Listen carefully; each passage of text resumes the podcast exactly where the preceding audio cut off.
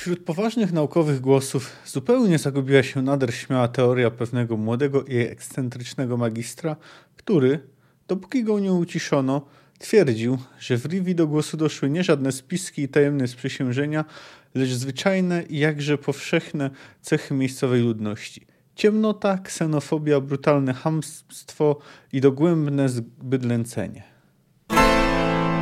Cześć. Więc udało się. Docieramy do końca sagi.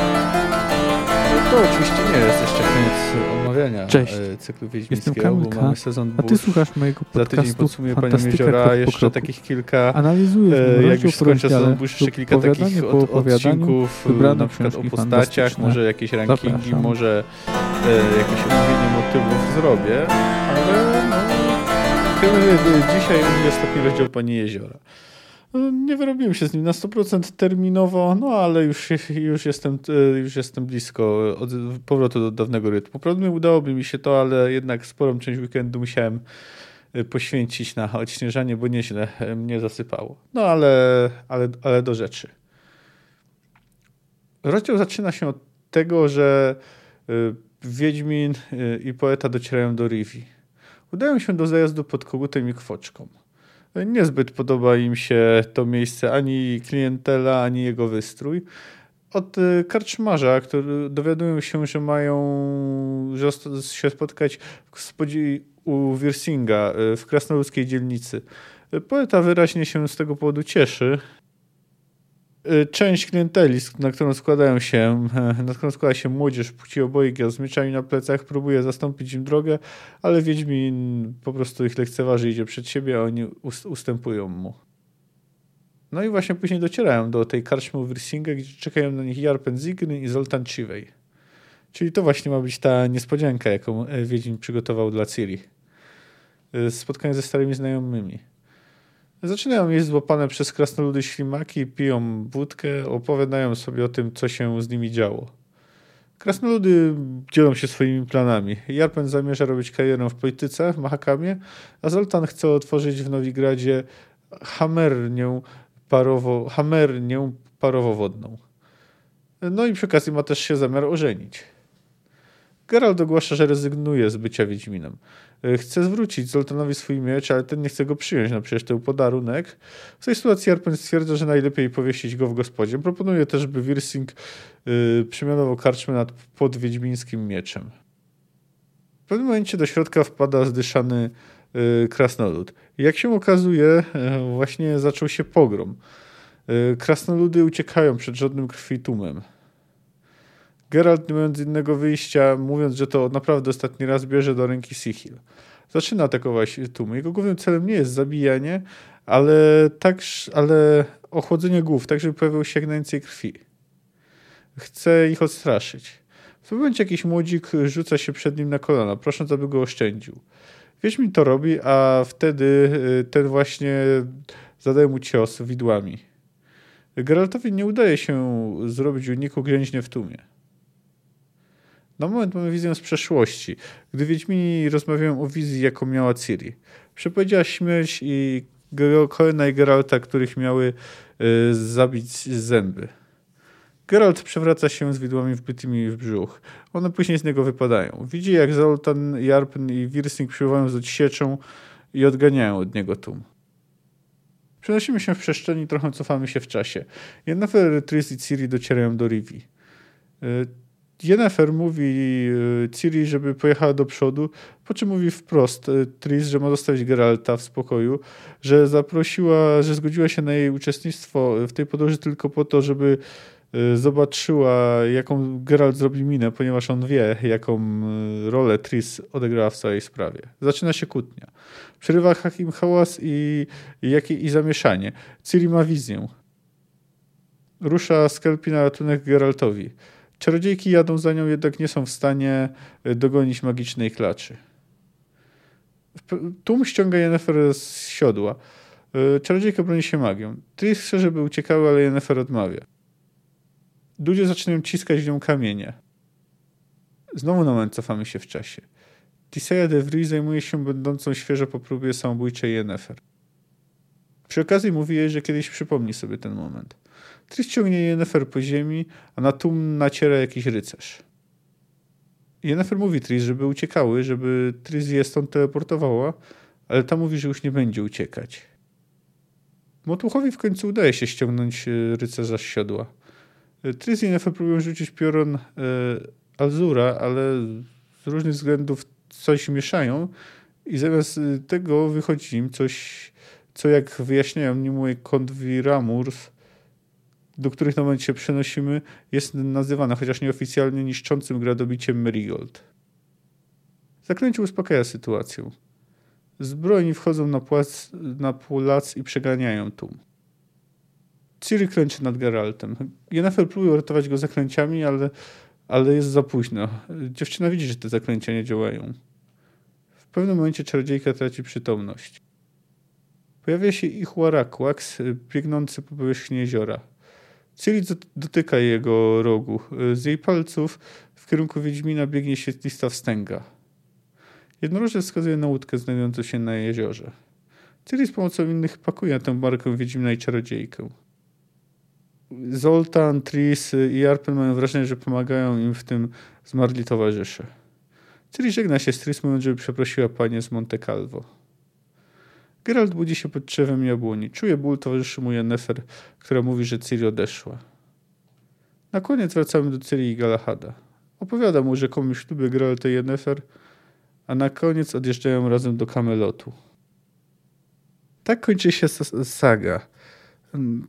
Ten ostatni rozdział nie jest może takim podsumowaniem całości, ale mamy w nim takie powtórzenie tego może istotnego motywu rodziny. Mamy też po raz kolejny to powiązanie z legendami arturiańskimi. Pojawiły się takie wątki jak przyjaźń, rodzina, przeznaczenie, nienawiść, rasizm. Tak jak i było w poprzednich rozdziałach, tak i ten można podzielić na dwie części. E, tak oczywiście nieco upraszczając, ale generalnie pierwszym jest spotkanie z krasnoludami, a drugim pogrom w Rivi.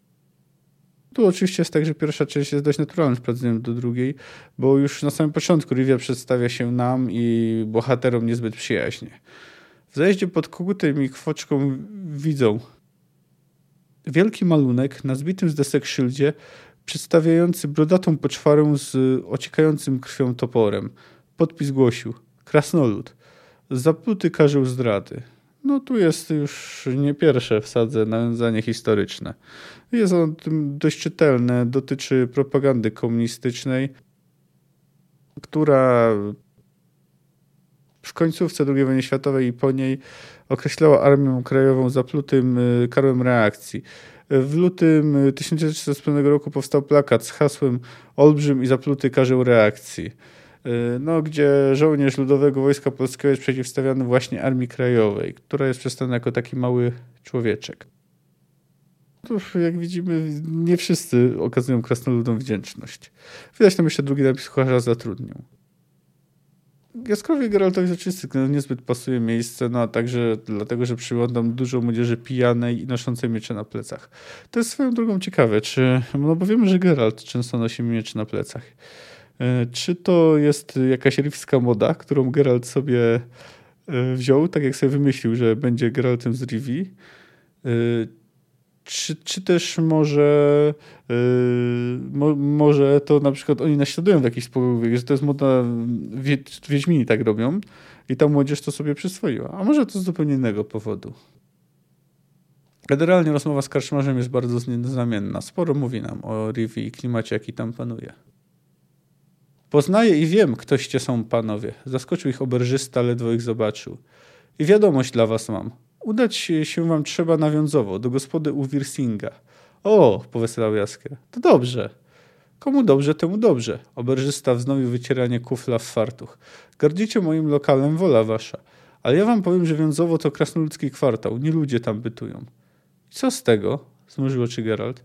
A no, wam pewnie nic z tego, wzruszył ramionami oberżysta. Przez ten, co dla was wiadomość zostawił, krasnolud był. Skoro się z takimi zadajecie, wasza rzecz. Wasza rzecz, czy ja wam kompania milsza.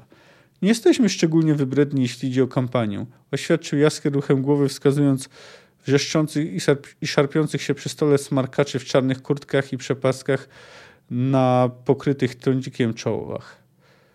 ale w takie Jagowa jako żywo nie gustujemy. A tu właśnie jest jeszcze kolejne podobieństwo trochę do mody Geralta, prawda? Czarne kurtki, yy, prze, przepaski. To naprawdę wygląda trochę jakby kopiowali y, styl Geralta. Karczmasz odstawił wytarty kubeł i zmierzył ich brzydkim spojrzeniem. Wyrozumialszym trzeba być, pouczył z naciskiem. Młodzież musi się wyszumieć. Jest dane powiedzenie. Młodzież musi się wyszumieć. Wojna jej ich ukrzywdziła. Ojce polegli, a matki się puszczały. Dokończył Geralt głosem lodowatym jak górskie jezioro. Rozumiem i pełen jestem wyrozumiałości. Przynajmniej staram się być pełen. Idziemy, Jaskier. A idźcie z szacunkiem, powiedział bez szacunku oberżysta. Ale żebyś tam potem nie skarżyli, co was nie przestrzegał. W niniejszy czas łatwo w krasnoludzkiej dzielnicy guza złapać. Przy okazji. Przy okazji czego? Albo ja wiem? Albo to moja rzecz? A to też jest ciekawy cytat. E, no bo tutaj później będziemy mieli przy okazji opisu właśnie ryskiego pogromu, że niektórzy twierdzili, że to wszystko zostało jakby zaaranżowane, że to było celowe. I to ta rozmowa trochę nam to sugeruje, bo to wygląda jakby karczmasz coś, coś o czymś przynajmniej słyszał. Chodźmy, Geralt, ponaglił Jaskier, widząc kątem oka, że ukrzywdzona przez wojnę młodzież, ta jeszcze w miarę przytomna, przygląda im się wzrokiem błyszczącym od fistechu. Do widzenia, panie oberżysto. Kto wie, może jeszcze kiedyś odwiedzimy twój lokal za czas jakiś. Gdy już nie będzie przy wejściu tych napisów. A któreś to nie podoba się waszmościom? Karczmarz marszczył czoło i zaczepnie wziął się pod boki. Hę? Może ten o krasnoludzie? Nie, ten o kucharzu. No, tutaj Geralt wykazuje się dowcipem i inteligencją. No, ale my też widzimy, jak to wygląda w Rivi, że bynajmniej wkład yy, krasnoludów w zwycięstwo, w zwycięstwo nad Nilfgaardem nie wszędzie jest doceniany. W każdym razie w Kaczmie u Wirsinga poeta i wiedźmi spotykają się z Zoltanem i Arpanem. No więc atmosfera znacznie się poprawia. Zwłaszcza, że towarzyszy jej konsumpcja ślimaków i wódki. No ale generalnie dowiadują się, że po wojnie sytuacja z, z żywnością jest fatalna. Tam wcześniej oczywiście taki stary dowcip jeden, bo ja też wiem, że skąd masz mięsko samo przypełzło. A teraz poważnie. Jarpan utarł łzy, choć dowcip, prawdę powiedziawszy, był dość leciwy. Z żarciem jest sytuacja kryzysowa. Jak to po wojnie? Mięsa nie uświadczysz, nawet drobiu. O rybę też trudno. Źle jest z mąką i kartoflem strączkowymi. Farmy popalone, składy pograbione, stawy pospuszczane, pola ugorem. Obrót leży, dodał Zoltan. Nie ma przewozu. Funkcjonuje tylko lichwa i handel wymienny. Widzieliście bazar? Obok nędzarzy wyprzedających i wymieniających resztki dobytku zbijają fortuny spekulanci. Tutaj tak na moment, yy, przerwę. No więc w, oczywiście to jest naturalne, że po wojnie zawsze się pojawiają spekulanci, yy, hieny cmentarne, yy, szabrownicy i tak dalej. E, ale tutaj należy zwrócić uwagę, że właśnie ta sytuacja żywnościowa trochę też działa na korzyść Nilfgaardu, ponieważ no, północ skądś będzie musiała tą żywność kupować. Oczywiście powiedzmy chyba zasoby żywnościowe łatwiej odtworzyć niż przemysł. No niemniej jednak tutaj znowu wracamy do tych kwestii ekonomicznych. Jeśli do tego wszystkiego nadarzy się urodzaj, zimą ludzie, ludzie e, zaczną umrzeć z głodu. Naprawdę tak źle? Jadąc z południa mijałeś, musiałeś mijać wsie i osady. Przypomnij sobie, w ilu słyszałeś szczekanie psów. Jasna cholera, Jaskier palnął się w czoło. Wiedziałem. Mówiłem ci, Jaskier, że to... Mówiłem ci, Geralt, że to nie było normalne. Że czegoś brakowało. Ha, teraz kojarzę. Nie było słychać psów. Nigdzie nie było. No i więc tutaj mamy to wyjaśnienie, czyli jednak zapamiętałem jakoś treści yy, książki, że, bo w poprzednim razie się zastanawiałem, czy to po prostu tu zakojarzyłem, że chodzi o te psy, ale nie, po prostu pamiętałem, że, że takie jest właśnie wyjaśnienie w tym rozdziale. Że no po prostu psy zostały zjedzone przez głodnych, głodujących ludzi. No ale mimo takiego wstępu do tej rozmowy, to potem atmosfera robi się może, no, może nie śniadankowa, ale bardzo miła. Y, wszyscy chętnie jedzą, przybywające pod stołem kotki mają zabawę ścigając y, skorupki. Y, tutaj wszyscy, Geralt, Jarpen, Zoltan i Jaskier wymieniają się swoimi historiami, tym co się działo. Znowu oczywiście jest trochę przykrych wiadomości, bo na przykład dowiadujemy się, że towarzysze krasnoludów także zginęli. no, z towarzyszy Jarpena zginął Regan Dalberg. Może, jak może pamiętacie, jego brat Pauli zginął w ataku z Kojatel i wtedy właśnie Regan krzyczał Pauli dlaczego? I bo Pauli właśnie zawahał się, by zaatakować Krasnoluda, który walczył po stronie wiewiórek. No ale z drugiej strony dobrze ma się Percival Schuttenbach, nasz znajomy gnom. Gnom? O, ten ma się dobrze. Chytrek od zaciągu się wykręcił, jakimiś prastarymi gnomimi prawami się zasłaniając, niby że mu religia wojować zabrania. I udało mu się, choć wszyscy przecie wiedzieli, że on cały panteon bogów i bogiń oddałby za marynowanego śledzia. Teraz ma warsztat jubilerski w Nowigradzie. Wiesz, wykupił ode mnie papugę, feldmarszałka Dudę i zrobił z ptaka żywą reklamę, wyuczywszy wołać brylanty, brylanty. I wyobraź sobie, to działa. Gdon ma klienteli od cholery, pełne ręce roboty i nabitą kasę. Tak, to jest Nowigrad. Tam pieniądz na ulicach leży. Dlatego też i my naszą Hambernię zamierzamy w Nowigradzie uruchomić. No tak wyjaśniając jeszcze, Hamornia to jest, yy, yy, to jest warsztat Kowalski. No jak widzimy, tutaj mamy jeszcze wspomnienie o feldmarszałku Dudzie, więc to, to, to widzimy, że niektórym się udało.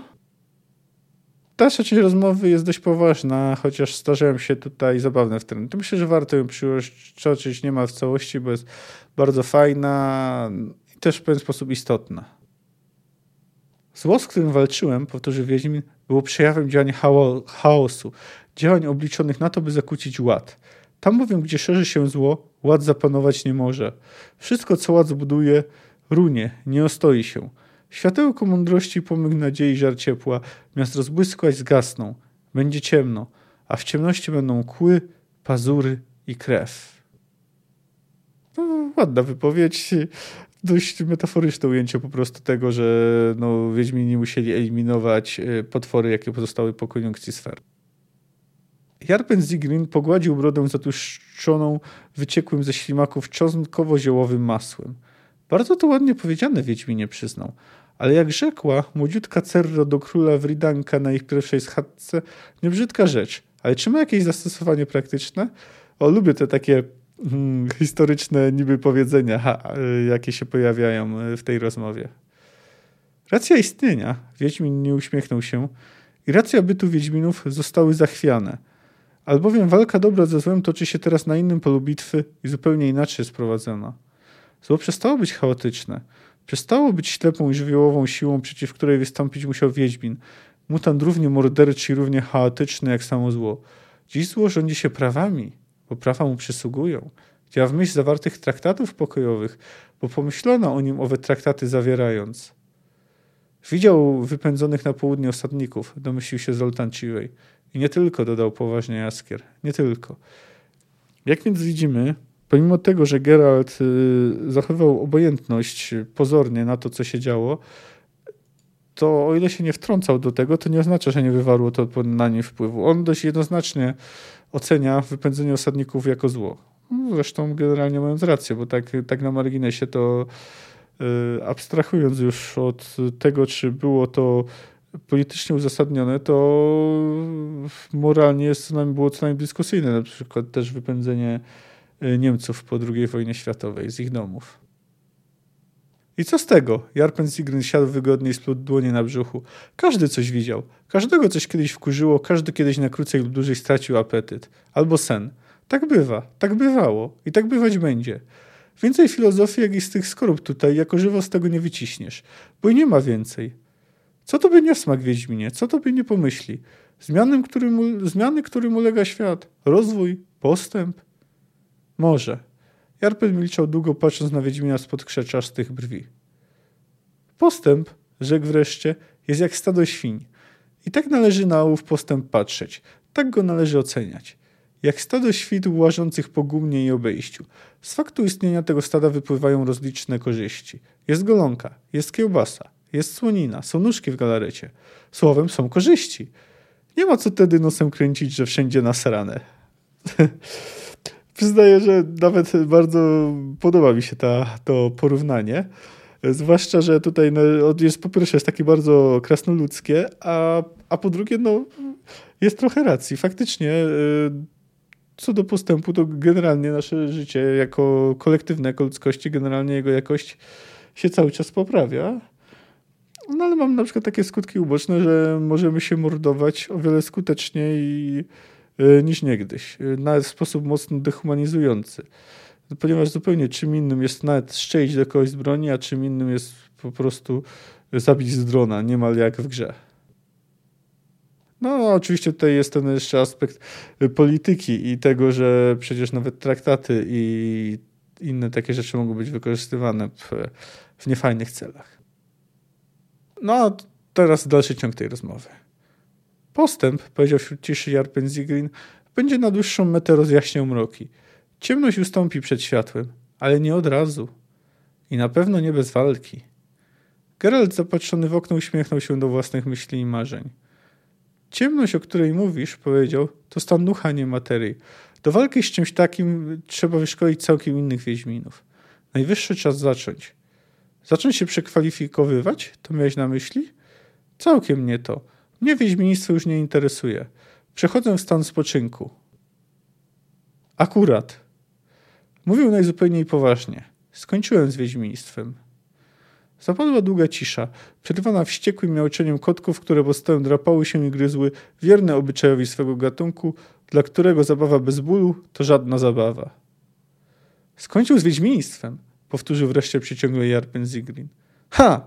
Sam nie wiem, co o tym myśleć, jak powiedział król Desmond, gdy przyłapano go na oszukiwaniu w karty. No cóż, to kolejne takie powiedzenie.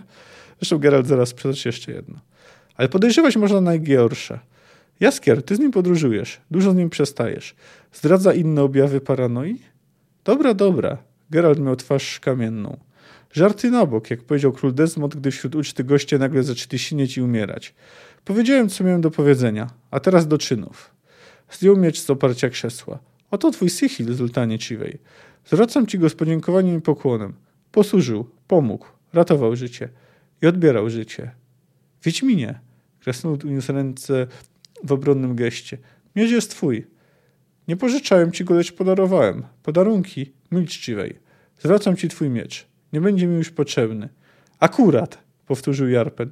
Nalej mu wódki jaskier, bo gada jak stary szrader, gdy mu w szybie kopalni Oskar spadł na głowę. Geralt, ja wiem, że ty jesteś natura głęboka i dusza wyniosła, ale nie pieprz, bardzo cię proszę takich głodnych kawałków, bo w audytorium, jak łatwo zauważyć, nie siedzi ani Jennefer, ani żadna inna z twoich czarodziejskich konkubin, jeno my, stare wilki. Nie nam, starym wilkom, bajać o tym, że miecz niepotrzebny, wiedźmin niepotrzebny, że świat jest B, że to, że sio. Jesteś wiedźminem i będziesz nim. Nie, nie będą, zaprzeczył łagodnie Geralt. Pewnie zdziwi to was, stare wilki, że doszedłem do wniosku, że głupotą jest sikanie pod wiatr, że głupotą jest nadstawiać karku za kogoś, nawet jeśli ten ktoś płaci. Nic do tego nie ma filozofia egzystencjalna. Nie uwierzycie, ale własna skóra stała mi się nagle nadwyraz miła. Doszedłem do wniosku, że głupotą byłoby narażać ją w cudzej obronie. No tutaj widzimy, no, no oczywiście Geralt tutaj to trochę ubiera w takie trochę większe słowa, ale generalnie chodzi o to, że skoro wreszcie jest Yennefer i Ciri, to chce się nimi nacieszyć, zamiast ryzykować życie. Często za drobne. Zauważyłem, kiwnął głową Jaskier. Z jednej strony to mądre, z drugiej nie ma drugiej?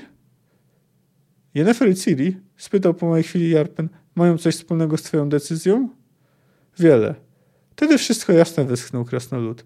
Nie bardzo wiem, co prawda, jak ty, profesjonał od miecza, zamierzasz się sustentować, jak masz zamiar urządzić sobie byt doczesny. Choć nijak, choćbyś zęby rwał, nie widzę cię w roli weźmy takiego plantatora kapusty. Cóż jednak, wybór trzeba uszanować. Tak na marginesie to kiedyś Jaskier zaproponował, że Geralt mógłby być e, niezłym kapłanem. No, zawsze mógł Wiedźmin zostać kapłanem. Gospodarzu, pozwól. Oto miecz e, mahakamski. Sihil z kuźni samego Rondurina. Był to podarek. Obdarowany go nie chce, darowującemu przyjąć zwrotu nie wolno. Weź go więc ty, przymocuj nad kominem. Przemianuj karczmę na podwiedźmińskim mieczem. Niech tu w zimowe wieczory płyną powieści o skarbach i potworach, o krwawej wojnie i zaciekłych walkach, o śmierci o wielkiej miłości, o niezłomnej przyjaźni, o odwadze i honorze. Niechaj ten miecz nastraja słuchaczy i zsyła natchnienie bajarzom. A teraz nalejcie mi, panowie, w to oto naczynie wódki, albowiem będę mówił dalej. Będę wygłaszał głębokie prawdy i różne filozofie, w tym egzystencjalne. Gorzałkę rozlano do kubków w ciszy i dostojeństwie. Spojrzano sobie w oczy i wypito. Z nie mniejszym dostojeństwem Jarpenzirgin odchrząknął, powiódł wzrokiem po słuchaczach, upewnił się, czy są, czy aby są dostatecznie skupieni i dostojni. Postęp, przemówił z namaszczeniem, będzie rozjaśniał mroki, bo od tego ów postęp jest, jak tanie przymierzając dupa od strania. Będzie coraz jaśniej, coraz mniej będziemy bali się ciemności i zaczajonego w niej zła. Przyjdzie być może i taki dzień, kiedy w ogóle przestaniemy wierzyć, że w tej ciemności coś czyha. Będziemy takie lęki wyśmiewać, nazywać dziecinnymi, wstydzić się ich. Ale zawsze, zawsze będzie istniała ciemność i zawsze będzie w ciemności zło. Zawsze będą w ciemności kły i pazury, mord i krew. I zawsze będą potrzebni wiedźmini. No, ten trochę podobny cytat w podobnej formie pada też na koniec sezonu Bush. Mm. No, w każdym razie no, jest w jakiś tam sposób oczywiście prawdziwy, że no zło jako zło tak czy owak będzie, będzie istnieć. Tu oczywiście mówi Jarpen o tym źle bardziej chaotycznym. No ale przecież takie zło niekoniecznie wynikające tylko z interesów, czego istnieje w naszym świecie, nawet jeśli nie mamy tu potworów. Przynajmniej nie w tym rozumieniu, y, jak w świecie Sapkowskiego. W każdym razie no widzimy tutaj dość jasno postanowienie Geralta, że no chce sobie pozwolić na bycie trochę bardziej egoistą. Nie chce zostawić karku dla innych. No ale nie jest mu to dane. Jego, jego plany zostają brutalnie przerwane przez pogrom. Musi bronić swoich przyjaciół. No dobrze, ale jak to wygląda? Jaki był przebieg wydarzeń? No, Sapkowski oferuje nam na przykład takie obrazki. Z uliczki wypadła tłuszcza. Była szybsza od krasnoludów. W tym wyścigu rządza mordu wygrywała. Wrzask mordowanych zaświrował w uszach. Zadzwonił kolorowanymi szybkami w oknach zajazdu. Geralt poczuł, jak zaczynają drżeć mu ręce. Jednego krasnoluda dosłownie rozszarpano, rozerwano na sztuki. Drugiego, przewróconego na ziemię w kilka chwil, zmieniono w krwawą, bezkształtną masę. Kobietę zadźgano widłami i spisami. Dziecko, którego broniła do końca, zwyczajnie rozdeptano. Zmiażdżono uderzeniami obcasów. Troje, krasnolud i dwie kobiety, uciekło wprost ku oberży.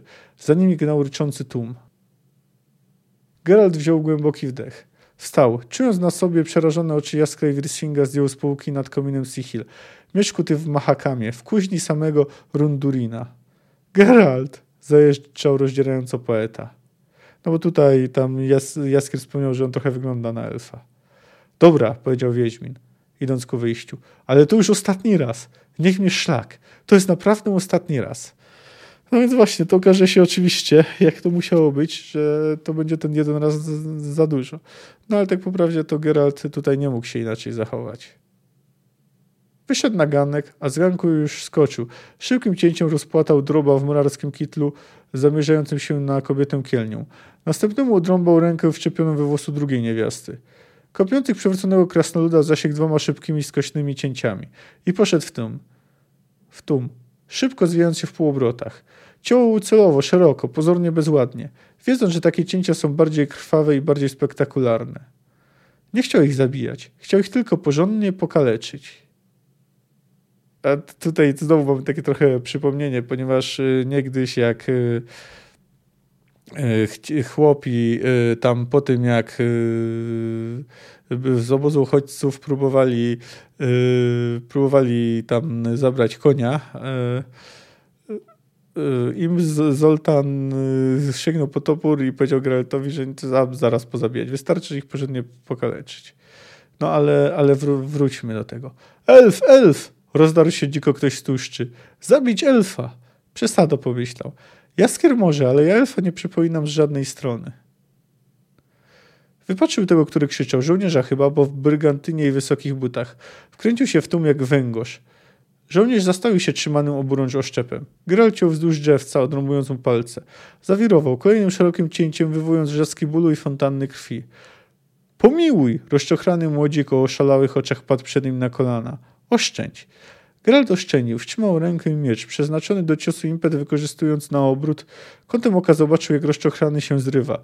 Zobaczył, co trzyma w rękach. Złamał obrót, by win winąć się w odwrotny unik. Ale ugrzązł w tłumie. Na umek sekundy ugrzązł w tłumie. Mógł tylko spojrzeć na lecące ku niemu trójzębne oszcze wideł. Czyli y, Geralta zgubiła jego litość, ponieważ no nie chciał niepotrzebnie zabijać. Mm, no i cóż, no i w takim razie dostał uderzenie. No następnie pada jeszcze taki fragment na koniec. Rozczochrany młodzik, jak gdyby przerażony tym, co zrobił, puścił stylisko. Wiedźmin wbrew woli zakrzyczał z bólu. Zgiął się. Wbite w jego brzuch i zębne widły przeważyły go, a gdy upadł na kolana, same wysunęły się z ciała. Upadły na bruk. Krew polała się z szumem i pluskiem głoś, godnym wodospadu. Geralt chciał wstać z kolan. Zamiast tego przewrócił się na bok. Otaczające go dźwięki nabrały pogłosu i echa. Słyszał je tak, jak gdyby miał głowę pod wodą. Widział też niewyraźnie, z zakłóconą perspektywą i zupełnie fałszywą geometrią. Ale widział, jak tą pierzcha. Widział, jak y, czmycha przed odsieczą. Przed Zoltanem i Arpenem z toporami, Wirsingiem z tasakiem od mięsa i Jaskirem zbrojnym w miotłem. Stójcie! chciał krzyknąć. Dokąd? Wystarczy, że ja zawsze sikam pod wiatr. Ale nie mógł krzyknąć. Głos zdławiła fala krwi. No, no więc właśnie tutaj mamy, jak Geralt sam przed chwilą najpierw zadeklarował, że postanowił już nie sikać pod wiatr i tutaj znowu się wysikał, atakuj, można powiedzieć, atakując tłum. No ale cóż, no tutaj mamy właśnie do tej śmierci Geralta jeszcze, jeszcze przejdę, czy jest śmierci, czy też nie śmierci. No zależy jak się to odbiera. Ale no wróćmy, bo to jeszcze nie wszystko, bo zwłaszcza to jeszcze nie koniec yy, pogromu. Bo zatrzymują go dopiero Tris Yennefer. No oto jak wywołały zaklęcie, yy, które rzuciły. Oj, narobiło się, powtórzyła Yennefer. Uważaj, Tris! Skłębiącej się nad Rivią czarnej chmury momentalnie runął na miasto Grad. Graniaste lodowe kulki wielkości kurzego jaja.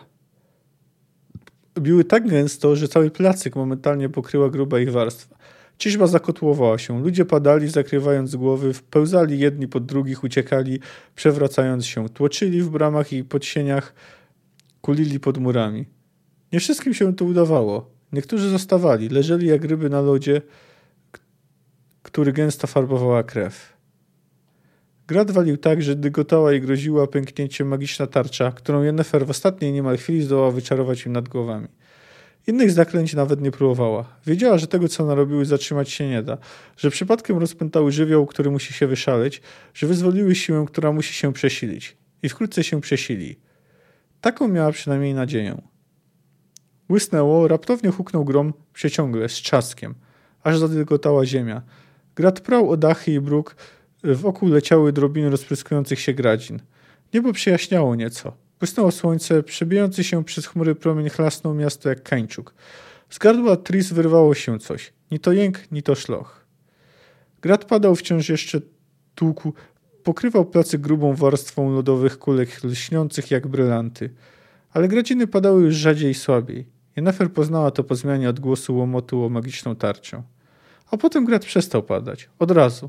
Jak nożem uciął. Na placyk wpadli zbrojni. Podkute kopyta zachrupotały na lodzie. Motłoch ryczał i uciekał smagany na hajami, tłuczony drzewcami włóczni i płazami mieczy. Brawo, Tris, wychrypała Yennefer. Nie wiem, co to było, ale ładnie ci to wyszło. Było czego bronić, wychrypiała Tris Marigold, bohatery kaze wzgórza. Zawsze jest. Biegnijmy, Tris, bo to chyba jeszcze nie koniec. Tak swoją drogą pamiętam ten cytat o tym, że było czego bronić, że zawsze jest. No jakoś tak zapada w pamięć. Tu widzimy, że no, to było wyjątkowe zaklęcie. Ale co tam się dalej działo? To był już koniec. Grad, który czarodziejki spuściły na miasto, ochłodził gorące głowy. Na tyle, by wojsko odważyło się uderzyć i zaprowadzić porządek. Wcześniej żołnierze bali się.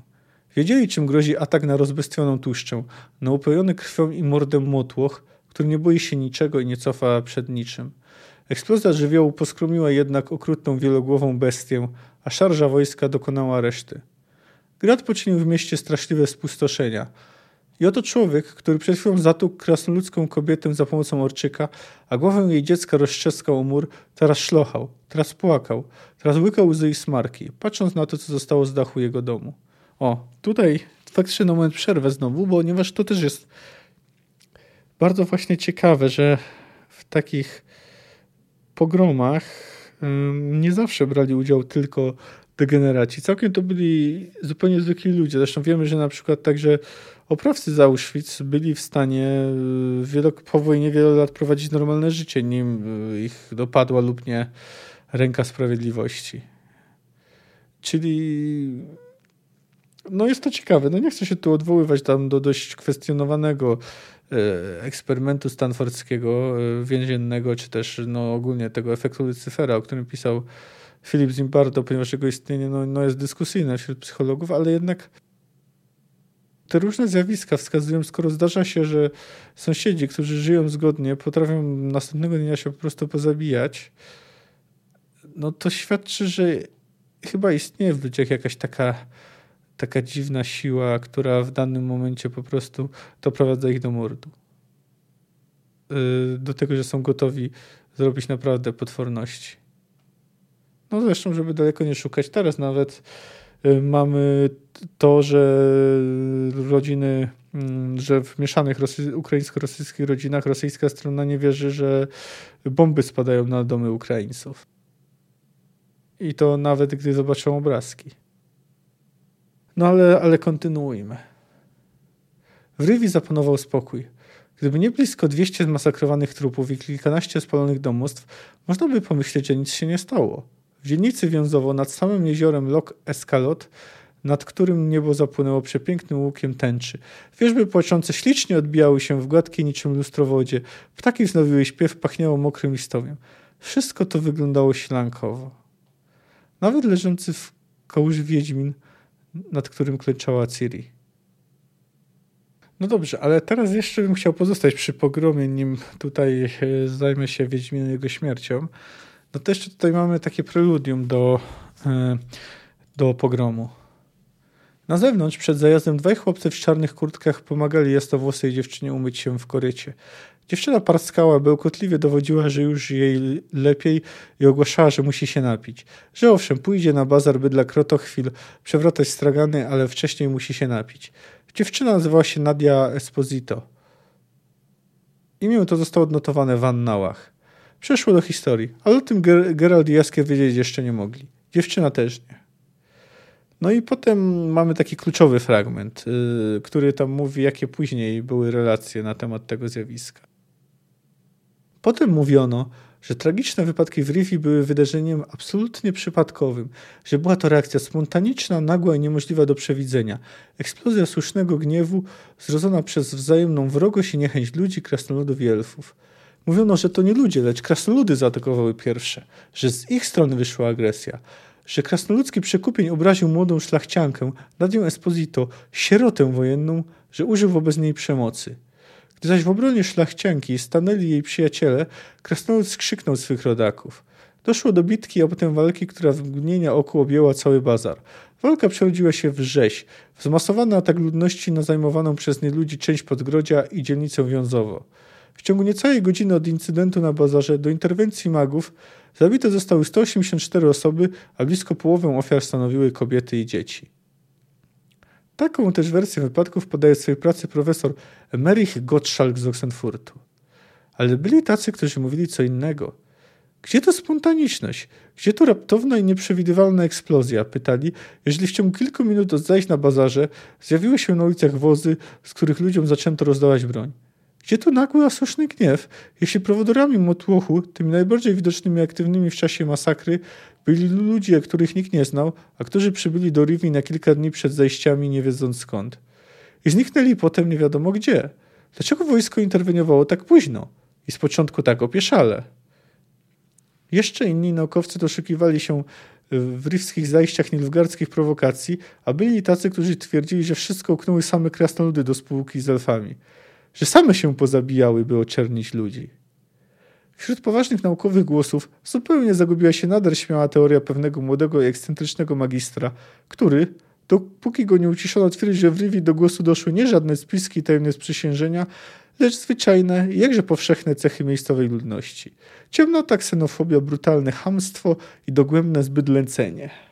Hmm. No tak. Czyli tu mamy przedstawione różne wersje tego pogromu, od bardzo spiskowych do mniej spiskowych. Widzimy wersję oficjalną. No i tutaj tak e, mamy dwie rzeczy. Oczywiście mamy tu bardzo czytelne nawiązanie do pogromu kieleckiego. E, to były wydarzenia z 1946 roku. Do pogromu doszło po tym, gdy ośmioletni syn, syn szewca y, powiedział ojcu, że został porwany i uwięziony przez Żydów. Tak naprawdę chłopiec pojechał do najbliższej miejscowości i pewnie powiedział tak, aby uniknąć kary. Szef zgłosił się na posterunek milicji. Generalnie w każdym razie w związku z tym wieś zaczęła się rozchodzić. Zebrał się duży, duży tłum i po prostu zaatakował Żydów. Część zresztą ataków miała charakter rabunkowy. I to wszystko, zginęło wtedy kilkadziesiąt osób przy zaskakującej bierności wojska i milicji. Y, po całym y, zamieszaniu ówczesna władza próbowała obwiniać opo o to opozycję i duchowieństwo. Tutaj należy zakładać, że faktycznie dwaj księża z polskiej parafii próbowali y, powstrzymać przelew krwi, bo można powiedzieć, że tak pogrom trochę odbył się w dwóch e, etapach. No, pierwszym to było właśnie pierwsze uderzenie po wiadomości, a drugim, gdy mm, robotnicy z fabryki wrócili z pracy. E, Kościół, Kościół e, wskazywał, że była to prowokacja komunistyczna. Tak było, tak stało w raporcie, który stworzyła komisja, która powstała na życzenie greckiego biskupa Kaczmarka. No jest on uważany trochę za ofiarę prześladowań komunistycznych. Zresztą za przekazanie tego raportu, między innymi za przekazanie tego raportu ambasadorowi amerykańskiemu był torturowany i aresztowany, ale z drugiej strony też e, Kaszmarek też sam sugerował, yy, że to wina Żydów. No, oczywiście no, nie da się ukryć, że antysemityzm był bardzo rozpowszechniony wśród polskiego duchowieństwa. Zresztą ten pogląd o, o prowokacji komunistycznej e, podzielają niektórzy historycy. Y, no i tutaj tak zahaczę na moment na to, y, bo ja uważam, że to właśnie ta ostatnia teoria o tym dogłębnym zbydlęceniu miejscowej ludności to stanowi wytłumaczenie Sapkowskiego i w przypadku pogromu Rijewskiego i Kieleckiego. I to jest właśnie takie ciekawe, tutaj zahaczając na chwilę o politykę, nie uważam, żeby to stwierdzenie, że wszystko jest polityką było prawdą, natomiast jednak w kontekście takiego, takich słów, yy, takiego zdarzenia, takiego opisu od polityki trudno uciec. No to jest często określany jako lewicowy.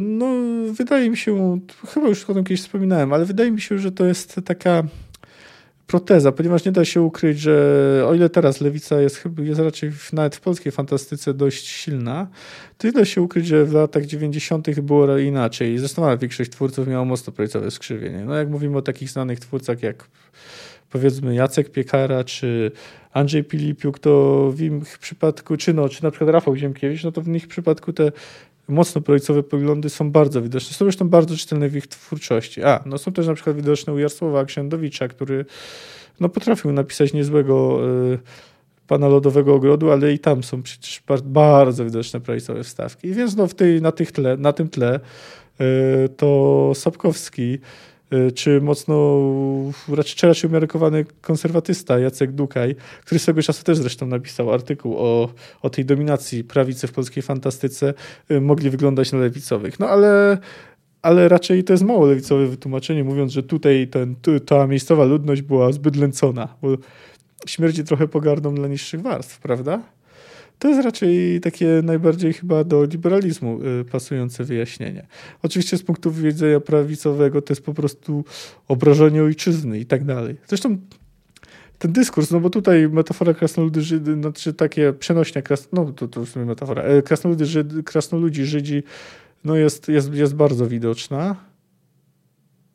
Bo i tu mamy jakiś tam pretekst, mamy jakieś sugestie, mamy prowokacje.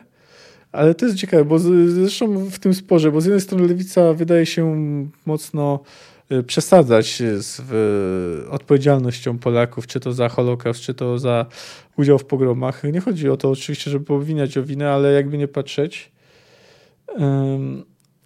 to, to były jednak właśnie takie lokalne, takie y, przypadki lokalne ale z drugiej strony prawica też ma zwyczaj negować antysemityzm polskiego społeczeństwa i to jest też ciekawe, bo przecież oni na przykład ubóstwiają no, postać, co by nie było trochę kontrowersyjna, czyli Józefa y, Mackiewicza, który sam zwykł, y, który sam pisał, że powszechnie po wojnie mówiono, że jedną rzecz Hitler dobrze zrobił, że zlikwidował Żydów, tylko nie trzeba o tym głośno mówić.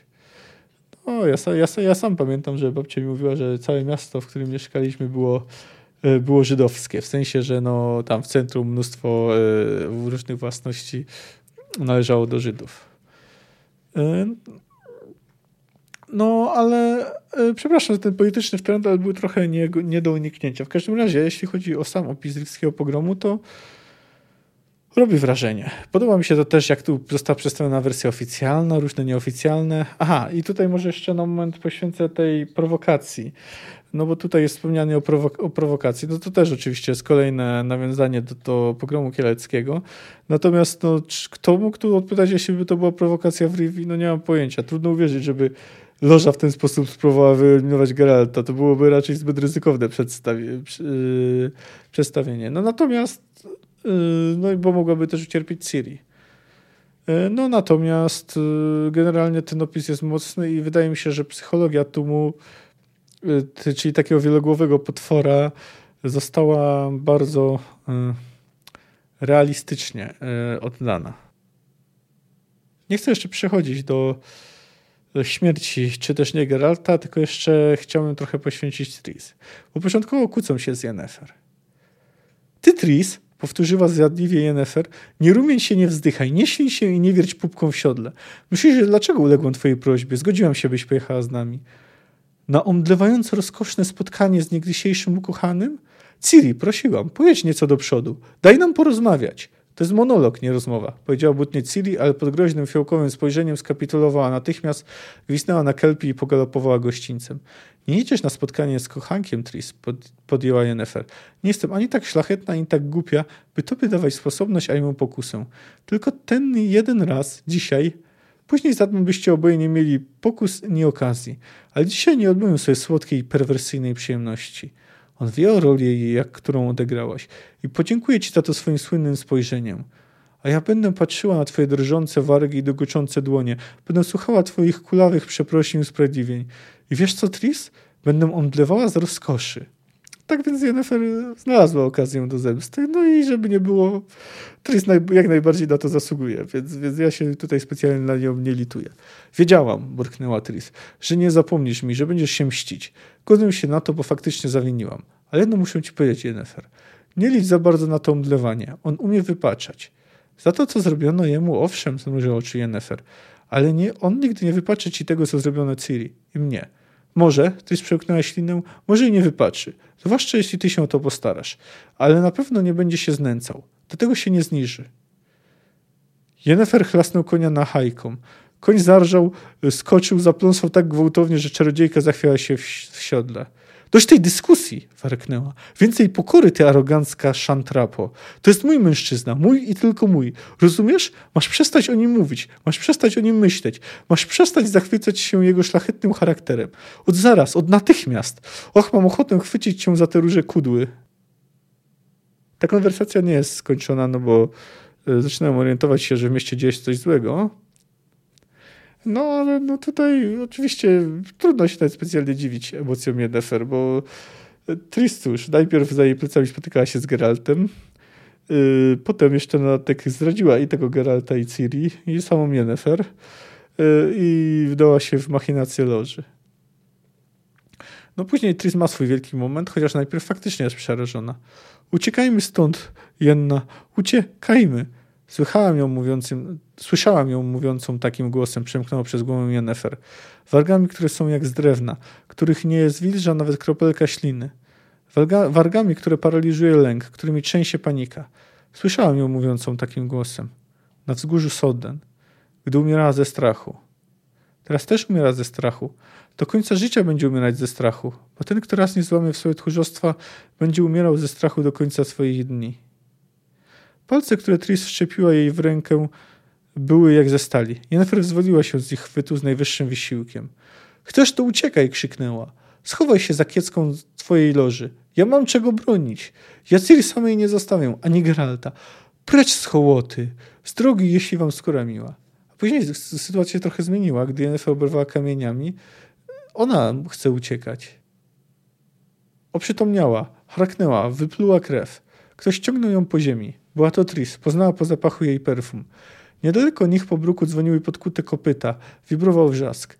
Jennefer zobaczyła jeźdźca w pełnej zbroi, w białej jace z czerwoną krokwią. z wysokości kopniczego siodła okładającego tumbykowcem. Ciskane przez motłoch kamienie bezsilnie odbijały się od zbroi przyłbicy. Koń rżał, ciskał się, wierzgał. Jennifer czuła, że zamiast górnej wargi ma wielki kartofel. Przynajmniej jeden przedni ząb był ułamany lub wybity. Boleśnie kaleczył język. Tris wybełkotała. Teleportuj nas stąd. Nie, Jennifer. Głos Tris był bardzo spokojny i bardzo zimny. Zabiją nas. Nie, Jennifer. Ja nie ucieknę. Nie schowam się za kieckę loży. Nie bój się. Nie zemdleję ze strachu jak pod soddę. Ja złamię to w sobie. Ja już złamałam. Blisko wylotu uliczki w załomie omszałych murów piętrzyła się wielka kupa kompostu, gnoju i odpadków. Była to okazała kupa. Można powiedzieć wzgórze. Tumowi udało się wreszcie ścisnąć i unieruchomić rycerza i jego konia. Zwalono go na ziemię, ze straszliwym hukiem motłoch wpełznął na niego, jak wszy zakrył ruchliwą warstwą. Tris, wciągnąwszy Jennefer, stanęła na szczycie kupy śmieci. Zniosła do góry ręce. Wykrzyknęła zaklęcie, a wykrzyknęła je z prawdziwą wściekłością. Tak przenikliwie, że tum ścichł na ułamek sekundy. Zabiją nią. Jennefer splunęła krwią. Jak amen. Pomóż mi, Tris na moment przerwała inkantację. Pomóż mi, Jennefer. Rzucimy na nich piorun Alzura i zabijemy z pięciu, pomyślała Jennefer, po czym reszta nas rozszarpie. Ale dobrze, Tris, jak chcesz. Jeśli ty nie uciekasz, nie zobaczysz, jak uciekam ja. No i to jest faktycznie ciekawy fragment, że cóż, cóż tak wpłynęło na Tris? Chęć jednak ratowania Geralta, chęć ratowania Ciri? Trudno powiedzieć, co sprawiło, że jednak, jak to tutaj zostało ujęte, złamała w sobie ten strach. No i co o tym zakręcił jeszcze i o Tris w ogóle mówią y, Nimue i Kondwi Ramurs. Niszczące gradobicie Marigold, powiedziała Nimue. W zasadzie nielegalnie używa się tej nazwy. Czar nigdy nie był rejestrowany. A to jest ciekawostka, że czary są rejestrowane. Bo po Tris Marigold nikomu nie udało się go powtórzyć. Z prozaicznych powodów. Tris miała wówczas skleczone usta i mówiła niewyraźnie. Złośliwy twierdz złośliwcy twierdzą nadto, że język plątał się jej ze strachu. W to, wydała wargi Konwiramurs, trudno akurat uwierzyć. Przykładów męstwa i odwagi czcigodnej Tris nie brakuje. Niektóre kroniki nazywają ją nawet nieulękłą. Ale ja chciałem y, no i tutaj też tak na momencik przerwę. No więc właśnie, no więc, czyli dotychczasowa powtarza Tris pozwoliłaby na nadanie jej przydomka, nieulękła? No raczej nie.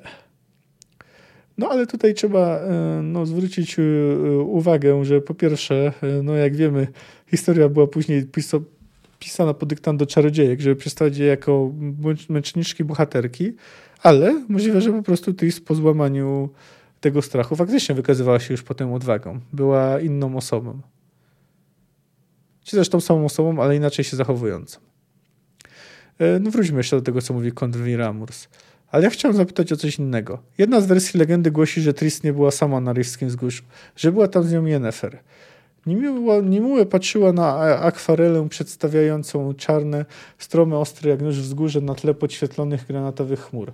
Na szczycie wzgórza widniała smukła sylwetka kobiety z rozpostartymi rękoma i rozburzonymi włosami. A tutaj właśnie taka znowu widzimy, jak to wyglądało w wizji artysty. Tu tam mieliśmy owszem wzgórze, ale wzgórze śmieci. A tu my mamy jakieś inne wzgórze, że tri stojącą. Z pokrywającej powierzchnią wody mgieł dobiegał rytmiczny stukot wioseł łodzi króla rybaka. Jeśli ktokolwiek był tam stris, powiedziała pani jeziora, to nie przetrwał wizji artysty. No prawda? E, tutaj zabawna jak się ta historia plecie.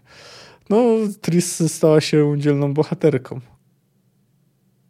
Tutaj, jak już, bo teraz już powoli przejdziemy może do, do Geralta i Yennefer tego, co się z nimi stało. Ocknęła się, jęknęła z bólu. Oba przedramiona i przeguby rywały bólem. Sięgnęła odruchowo, namacała grube warstwy bandaża. Jęknęła znowu, głucho, rozpaczliwie. Z żalu, że to nie sen i z żalu, że się nie udało. Nie udało się, powiedziała siedząca obok łóżka Tisaya Devry. Jennifer chciał się pić. Pragnęła, by ktoś choćby zwilżył jej pokryte lepkim nalotem wargi, ale nie poprosiła. Duma jej nie pozwalała. Nie udało się, powtórzyła Tisaya Devry. Ale nie dlatego, że się nie starałaś. Cięłaś dobrze i głęboko. Dlatego jestem tu teraz przy tobie. Gdyby to były tylko jasełki, gdyby to była głupia, niepoważna demonstracja, miałabym dla ciebie wyłącznie pogardę. Ale ty cięłaś głęboko. Poważnie. Jennifer tem popatrzyła w sufit. Zajmę się tą dziewczyną. Bo chyba warto. A będzie trzeba nad tobą popracować. Oj, trzeba będzie. Będę musiała nie tylko wyprostować ci kręgosłup i łopatkę, ale i wylecieć ręce. Tnąc żyły, poprzecinałeś sobie ścięgna, a ręce czarodziejki to ważne instrumenty Jennefer. I tutaj taki momencik. Mówimy o wyprostowaniu kręgosłupu i łopatki, czyli prawdopodobnie to był jakiś tam pierwszy rok w akademii, gdy jeszcze mm, nie do końca zmieniano wygląd czarodziejek. No bo jak wiemy, Jennifer była garbuską. Wilgoć na ustach, woda, będziesz żyła. Głos Tisai był rzeczowy, poważny, surowy nawet. Jeszcze nie nadszedł twój czas. Gdy nadejdzie, przypomnisz sobie ten dzień. Właśnie, i czyli tu mamy teraz to wspomnienie, gdy niby nadszedł ten dzień. Co jest to w pewien sposób istotne y, y, do tego, co, o czym będę mówił. Jennifer chciwie stała wilgoć z owiniętego mokrym bandażem patyczka. Zajmę się tobą, powtórzyła Tisaya de Vries, delikatnie dotykając jej włosów. A teraz jesteśmy tu same, bez świadków. Nikt nie zobaczy, a nikomu nie powiem. Płacz, dziewczyno, wypłacz się, wypłacz się ostatni raz. Potem już nie wolno będzie ci płakać. Nie ma paskudniejszego widoku niż płacząca czarodziejka. No, to już mieliśmy, już to padało od kiedyś to powiedzenie. No, tu głównie chodzi przecież o to, o, też o pewien prestiż zawodu, że czarodziejki przecież mają móc wszystko, a, a łzy są wyrazem niemocy. No więc tak o Yennefer no, można już złożyć całkiem nieźle historię. Nie wiemy wszystkiego, no ale wiemy tyle, że była garbuską, miała sobie krew elfów, ojciec znęcał się nad nią i matką, matka też ją w jakikolwiek sposób odrzuciła. Ona w jakiś sposób później się zemściła, być może zabijając ojca, być może też matkę. Yy, miała problemy z zadopiem się do życia Akademii Czarodziejek, zepchnął ją do próby samobójczej. Wszystkie te doświadczenia uczyniły ją zimną i późniejsze też romanse i tak dalej sprawiły, że ona nie wierzyła, że ktokolwiek może ją naprawdę pokochać, że to wszystko to będzie tylko substytut. Dlatego porównała siebie do królowej lodu. W związku z tym sama też bała się okazać innym uczuciem, ponieważ nienawidziła być wykorzystywaną. Chciała mieć dzieci, ale nie mogła. Dopiero Ciri stała się taką jej córką. No, nie będę tutaj robił jakiejś szerokiej charakterystyki postaci, ponieważ chyba poświęcę temu prawdopodobnie już po sezonie był już taki osobny odcinek, gdzie poświęcę kilka słów przynajmniej tych, tym najistotniejszym e, postaciom. E, ale na razie e, na razie jednak może pozostańmy przy tym. Zresztą teraz właśnie przejdźmy do tej śmierci, czy też może nie śmierci, Wiedźmina i Czarodziejki tej chwili zresztą Ciri wypomina e, Yennefer pewne rzeczy. Geralt był nieprzytomny i biały jak wapno. Leżał nieruchomo, ale gdy stanęły nad nim, zaczął kasłać, harczeć i pluć krwią. Zaczął się trząść, dygodać tak, że Ciri nie mogła go utrzymać. Yennefer uklękła obok. Tris widziała, jak ręce jej drżą. Sama nagle poczuła się słaba jak dziecko. W oczach jej pociemniało. Ktoś podtrzymał ją, ocalił przed upadkiem. Poznała jaskra. To wcale nie działa, usłyszała tchnący rozpaczą głos Ciri. Twoja magia w ogóle go nie leczy, Jennefer. Przybyłyśmy, Jennefer z trudem poruszała wargami. Przybyłyśmy za późno. Twoja magia nie działa, powtórzyła Ciri, jak gdyby nie słysząc jej. To co ona jest warta, ta cała wasza magia? Masz rację, Ciri, pomyślała Tris, czując jak coś ściska jej krtań. Umiemy wywoływać gradobicie, a nie umiemy odpędzić śmierci. Choć z pozoru to drugie jest łatwiejsze. Posłaliśmy po medyka, powiedział chrapliwie stojący obok jaskra krasnolud, ale coś go nie widać. Jest za późno na medyka, powiedziała Tris, sama dziwiąc się spokojowi swego głosu. On kona. Geralt zadygotał raz jeszcze. Wykaszlnął krew, wyprężył się i znieruchomiał. Podczas, pod, podtrzymujący Tris jaskier westchnął z rozpaczą, krasnolud zaklął. Jennefer zajęczała. Twarz zmieniła jej się nagle, skurczyła i zbrzydła. Nie ma nic bardziej żałosnego, powiedziała Storcili, niż płacząca czarodziejka. Sama mnie tego uczyłaś. Ale ty teraz jesteś żałosna, naprawdę żałosna, Jennefer. Ty i twoja magia, która do niczego się nie nadaje. Jennefer nie odpowiedziała. Trzymała obróż bezwładną i lecącą przez ręce głowę Geralta, łamiącym się głosem powtarzała zaklęcia. Po jej dłoniach, po policzkach i czole Wiedźmina tańczyły sine iskierki i czeszczące ogniki. Tris wiedziała, ile energii kosztują takie zaklęcia. Wiedziała też, że te zaklęcia w niczym tu nie pomogą. Była więcej niż pewna, że bezsilne okazałyby się nawet zaklęcia wyspecjalizowanych uzdrowicielek. Było za późno. Czary Yennefer tylko ją wyczerpywały. Tris zdziwiła się nawet, że czarnowosa czarodziejka tak długo to wytrzymuje. Przestała się dziwić, bo Yennefer zamilkła w połowie kolejnej magicznej formuły i osunęła się na bruk obok Wiedźmina. Jeden z krasnoludów znowu zaklął. Drugi stał ze spuszczoną głową. Jaskier, wciąż trzymający Tris, pociągnął nosem. Zrobiło się nagle bardzo zimno. Powierzchnia jeziora zadymiła jak kocioł czarownic. Zasnuła się oparem. Mgła rosła szybko, kłębiła się nad wodą, falami wychodziła na ląd, spowijając wszystko białym, gęstym mlekiem, w którym cichły i marły dźwięki, w którym ginęły kształty, rozmazywały się formy. A ja, powiedziała wolno Ciri, ciągle klęcząc na skrwawionym bruku, kiedyś wyrzekłam się mojej mocy. Gdybym się nie wyrzekła, to bym go teraz ocaliła. Wyleczyłabym go, wiem to, ale jest za późno. Wyrzekłam się i teraz nic nie mogę zrobić. To jest tak, jakbym to ja go zabiła. No więc tutaj Tris, y, tutaj Ciri, czy, czy tam w chwili rozpaczy tak Przypomina sobie o pewnym wydarzeniu. Chociaż no pamiętajmy, że wyrzekła się przecież tylko jak to ujął jednorożce kuglarskich sztuczek, że to ona się czuje też współwinna śmierci y, Geralta. No ale teraz będzie, stanie się coś niespodziewanego. Ciszę przerwało najpierw głośne rżenie kelpi, potem zduszony okrzyk jaskra. Wszyscy osupieli. Z mgły wyłonił się bojały jednorożec, bieg, biegnąc leciutko, zwiewnie i bezszelestnie, z wdziękiem unosząc kształtną głowę. W tym akurat nie było nic niecodziennego. Wszyscy znali legendy, a te zgodne były co do tego, że jednorożce biegają leciutko, zwiewnie i bezszelestnie, a głowy unoszą sobie tylko właściwym wdziękiem. Jeśli coś było dziwne, to to, że jednorożec biegł po powierzchni jeziora, a woda nawet się nie zmarszczyła. Jaskier jęknął, tym razem w podziwie. Tris poczuła jego garnią wzruszenie, euforia.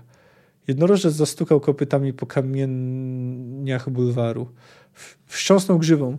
Zarażał przeciągle, melodyjnie. I chłarakłaks, powiedziała Ciri. Miałam nadzieję, że przyjdziesz. Jednorożec podszedł bliżej, zarżał znowu, grzebnął kopytem, silnie uderzył nim o bruk.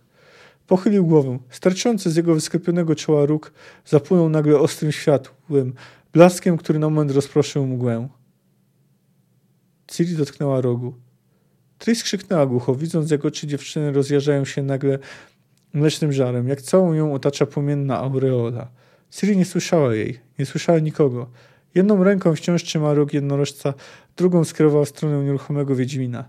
Z jej palców popłynęła wstęga migotliwej i żarzącej się jak lawa jasności.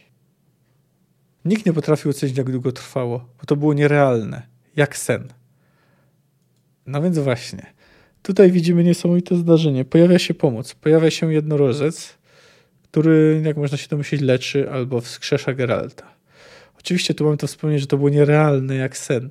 Czyli znowu, no można by uznać, że to się tak naprawdę nie dzieje. No, to oczywiście cały czas można to poddać wątpliwości. Ale dokończmy najpierw. Jednorożec, rozmazując się niemal w gestniejącej mgle, zarżał, uderzył kopytem. Kilkakrotnie machnął głową i rogiem, jak gdyby wskazywał na coś. Tris spojrzała. Pod baldachimem zwisających nad jeziorem wierzbowych gałęzi zobaczyła na wodzie ciemny kształt. To była łódź.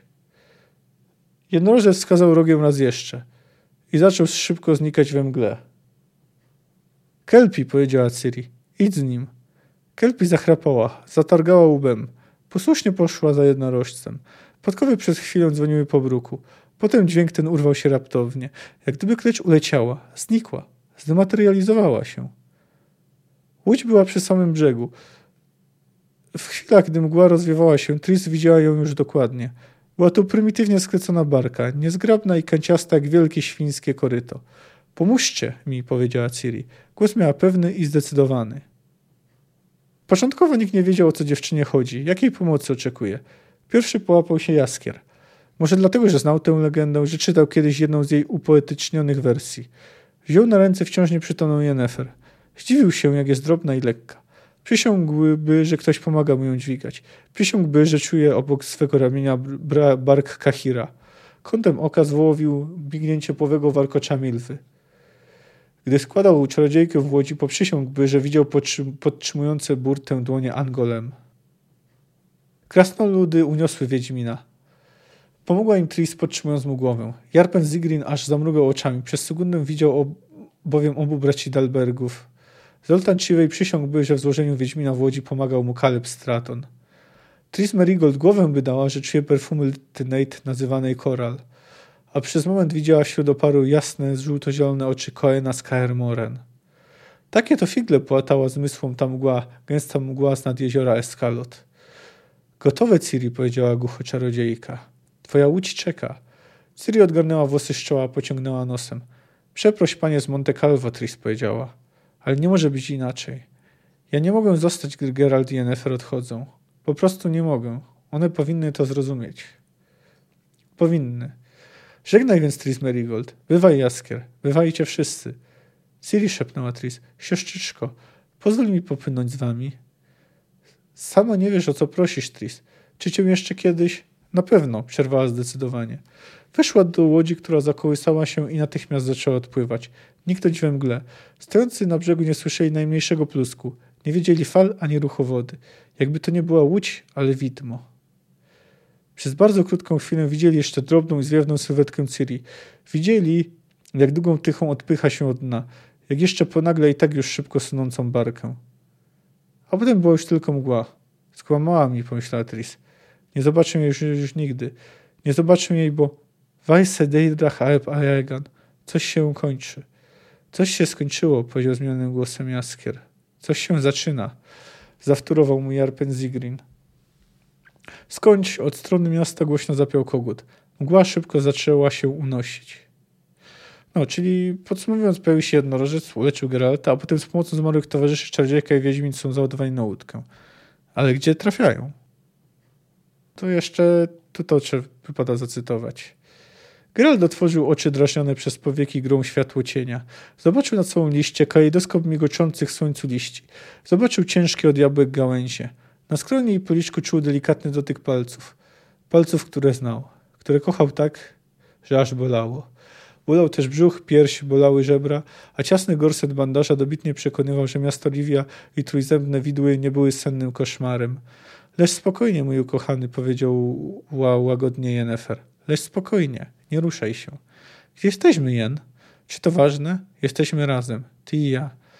Śpiewały ptaki, dzwońce albo drozdy. Pachniały trawy, zioła, kwiaty, jabłka. Gdzie jest Ciri? Odeszła. Zmieniła pozycję. Delikatnie wyzwoliła ramię spod jego głowy. Położyła się obok na trawie tak, by móc patrzeć mu w oczy. Patrzyła na niego zachłannie, jak gdyby chciała się nasycić widokiem. Jak gdyby chciała się napatrzeć na zapas. Na całą wieczność. Patrzył również, a tęsknota dławiła mu gardło. Byliśmy z Ciri na łodzi, przypomniał sobie. Na jeziorze, potem na rzece. Na rzece o silnym nurcie. We mgle. Jej palce odnalazły jego rękę, ścisnęły silnie. Lecz spokojnie, mój ukochany. Lecz spokojnie. Jestem przy tobie. To nieważne, co się wydarzyło. Nieważne, gdzie byliśmy. Teraz jestem przy tobie i nigdy już cię nie opuszczę. Nigdy. Kocham cię, Jan. Wiem. Tym niemniej, westchnął, chciałbym wiedzieć, gdzie jesteśmy. Ja też, powiedział Yennefer. Cicho i nie od razu. Tak więc y, Geralt i Yennefer zostają przetransportowani do jakiegoś miejsca, gdzie są jabłka. No i gdzie ogólnie pasuje taki, można powiedzieć, idylliczny klimat, gdzie są bezpieczni i mogą być szczęśliwi. Tutaj no, dość jasno można uwzględnić, że to jest Avalon, który jest też nazywany Wyspą Jabłoni. Bierze się to stąd, że po pierwsze mamy bardzo silne połączenie z mitami arturiańskimi, z Galahadem. Y, tu, tutaj mamy oczywiście mgłę, jezioro i tak dalej. Mamy, a to była przecież mityczna wyspa, no i mamy te jabłka. No a czym jest dokładnie Avalon? No właśnie tajemnicza wyspa, na którą został zabrany król Artur po bitwie pod Kamlan. Ostatni, w której wziął udział. Według niektórych wersji jest to jego miejsce ostatecznego spoczynku, tam gdzie zmarł, a według innych jest to miejsce, w którym się leczy, by powrócić wtedy, gdy będzie potrzebne. No bo to, tutaj można przytoczyć to takie klasy, tytuł takiego klasycznego dzieła e, Once and Future King. No, u nas to jest tłumaczone jako był sobie na zawsze król. No nie jest to łatwe do przetłumaczenia. W chodzi o to, że kiedyś król Artur był królem jeszcze nim będzie. Ale co nam to wszystko mówi o Neferi Geralcie? Tutaj warto przytoczyć jeszcze jeden fragment, że y, mamy przytoczone to właśnie proroctwo, jakie Ciri wygłosiła po tym, jak spadła z grzebienia, gdy powiedziała Wiedźminom, że, że, że Cohen i Geralt umrą od zębów. No, czyli mogą albo żyć, albo znajdować się w zaświatach. Cóż, no ale tylko, że no, oczywiście można znaleźć podpowiedzi w obie strony. No. Po pierwsze to, że Ciri, Ciri płacze mówiąc o nich. Po drugie to, że no, mówiła na początku, mówi Galahadowi, że no, nie była w stanie ich uratować, że ona miała ubranie splamione krwią osób, których bliskich, których nie potrafiła uratować. No ale z drugiej strony trochę dziwne, żeby ktoś w zaświatach odczuwał ból. Yy, no, możliwe jest też, że na przykład umarł, że się sprawdził prostwo Ciri, że umarł na chwilę, ale że został przez jednorożca natychmiast przywrócony do życia. To by też wskazywało ten fragment z jak pamiętacie, to yy, Tissaia Devry mówiła jej, że jeśli nadejdzie jej czas, to właśnie przypomni sobie ten moment. No dlatego jeszcze ta łódka, to płynięcie przez rzekę trochę przypomina taką podróż, no na przykład przez Styx, czyli tą tam grecką rzekę w podziemiach, przez którą przepływają zmarłe dusze. Tu Tris, Jaskier, Tris, Jar, Jaskier, Tris, Jarpen i Zoltan widzieli pomagających zmarłych towarzyszy. To też by wskazywało na zaświaty. No ale przecież mamy to skojarzenie z Krem Arturem. Może tu to o to chodzi, że bohaterowie, czy też nasz bohater Geralt powróci, jeśli będzie potrzebny. No tu trochę światła jeszcze rzuca mm, koniec sezonu Bush, ale to powiedzmy zostawmy na razie na bok. Y, no, w każdym razie tak czy owak jest to zakończenie otwarte, które można inny interpretować. Oczywiście można je zupełnie odczytać metaforycznie, że to wszystko się nie wydarzyło, że to była tylko Ciri próbująca pocieścić u Galahada, albo a to wszystko to tylko metafora. Że Geraldine umarli, ale będą żyć w pamięci ludzi, których znali. No to tutaj jeszcze warto przytoczyć ten to, to, to co mówi właśnie Galahadowi. I to spytał po chwili Galahad, jest koniec tej historii? Skończę znowu, zaprotestowała Ciri, pocierając stopą o stopę, ścierając wyschnięty piasek, który przywarł do jej palców i podeszew. Chciałbyś, by opowiedź tak się skończyła? Akurat. Ja bym nie chciała. Cóż więc było dalej? Normalnie parsknęła. Pobrali się. Opowiedz. A co tu jest do opowiadania? Było huczne weselisko. Wszyscy się zjechali. Jaskier, matka Neneke, Jola, Eurneid, Jarpenzirgin, Wesemir, Eskel, Cohen, Milwa, Angolem i moja Misyl. Ja tam byłam, miód i wino piłam. Oni, znaczy się Geralt i Yennefer, mieli później własny dom i byli szczęśliwi, bardzo, bardzo szczęśliwi. Jak to w bajce. Rozumiesz? Dlaczego płaczesz, o pani jeziora? Wcale nie płaczę. Oczy zawiją mi od wiatru. I tyle. To, tu oczywiście ta końcówka, tutaj mamy znowu czytelne e, nawiązanie do, prawda, e, Sienkiewicza i do w pustyni w puszczy, gdy tam Nel mówiła, że oczy jej się pocą. Swoją drogą akurat, o ile Sienkiewicza nawet lubię, to akurat w pustyni w puszczy mi się nigdy nie podobało. E, no ale zostawmy, ale w każdym razie Ciri płacze. No dobrze. Czy to oznacza, że w takim razie to, co powiedział, wszystko było kłamstwem? Oczywiście to o, ślubie to wiem, że to było nieprawda. Istnieje opowiadanie, e, coś się kończy, coś się zaczyna, gdzie właśnie jest przedstawiony ślub e, Yennefer i, i Geralta. I no zresztą tu warto zwrócić uwagę, że o tym że w tym, co mówi Galahadowi, że tutaj, że na tym ślubie był też Cohen, Angolem, czyli też zmarłe postacie. One oczywiście pojawiają się w tym opowiadaniu, które było takim żartem, takim prezentem, prezentem ślubnym dla Pawła Ziemkiewicza i Pauliny Breiter, czyli dla znajomych Sapkowskiego. To jeszcze tak, taka ciekawostka, to y, Paweł Ziemkiewicz to prywatnie jest y, y, brat Rafała Ziemkiewicza, ale od którego ma no, diametralnie inne poglądy polityczne. Swoją drogą to całkiem, z tego co wiem, to jest całkiem dobry między innymi tłumacz literatury który zresztą przygotowywał chyba wspólnie ze swoją żoną. Był zresztą też na przykład redaktorem nowej fantastyki no więc tak, no więc, ale no dobrze, ale to wszystko jeszcze dla mnie nie przesądza tego, że mogli umrzeć, bo może po prostu Tris jakby do Avalonu, chociaż jest panią czasowym miejsc do Avalonu, akurat nie może się dostać. Może tam mógł jej pomóc dotrzeć tylko ich Warakwax. Może do tego, dlatego płacze. Może, a może dlatego, że umarli, no nie wiemy tego. Tutaj jeszcze jest ciekawe w sumie, czy Tris, czy Ciri kiedykolwiek wróciła do tego świata. Teoretycznie mogła. Yy, chociaż jak sama mówi, że skoro Geralt i Yennefer odchodzą, no to ona sama nie, nie ma e, tutaj już nic do roboty. E, no, ale z drugiej strony pamiętajmy, że elfy w końcu opuściły ten świat, więc teoretycznie Ciri lub jej potomek mogli tam ponownie trafić. W każdym razie, czy Geralt i Yennefer faktycznie umarli, czy nie, to z tego świata odeszli, jak się wydaje, na stałe. Jak się wydaje, bo tutaj trzeba pamiętać o, o sezonie burz, ale to na razie zostawmy.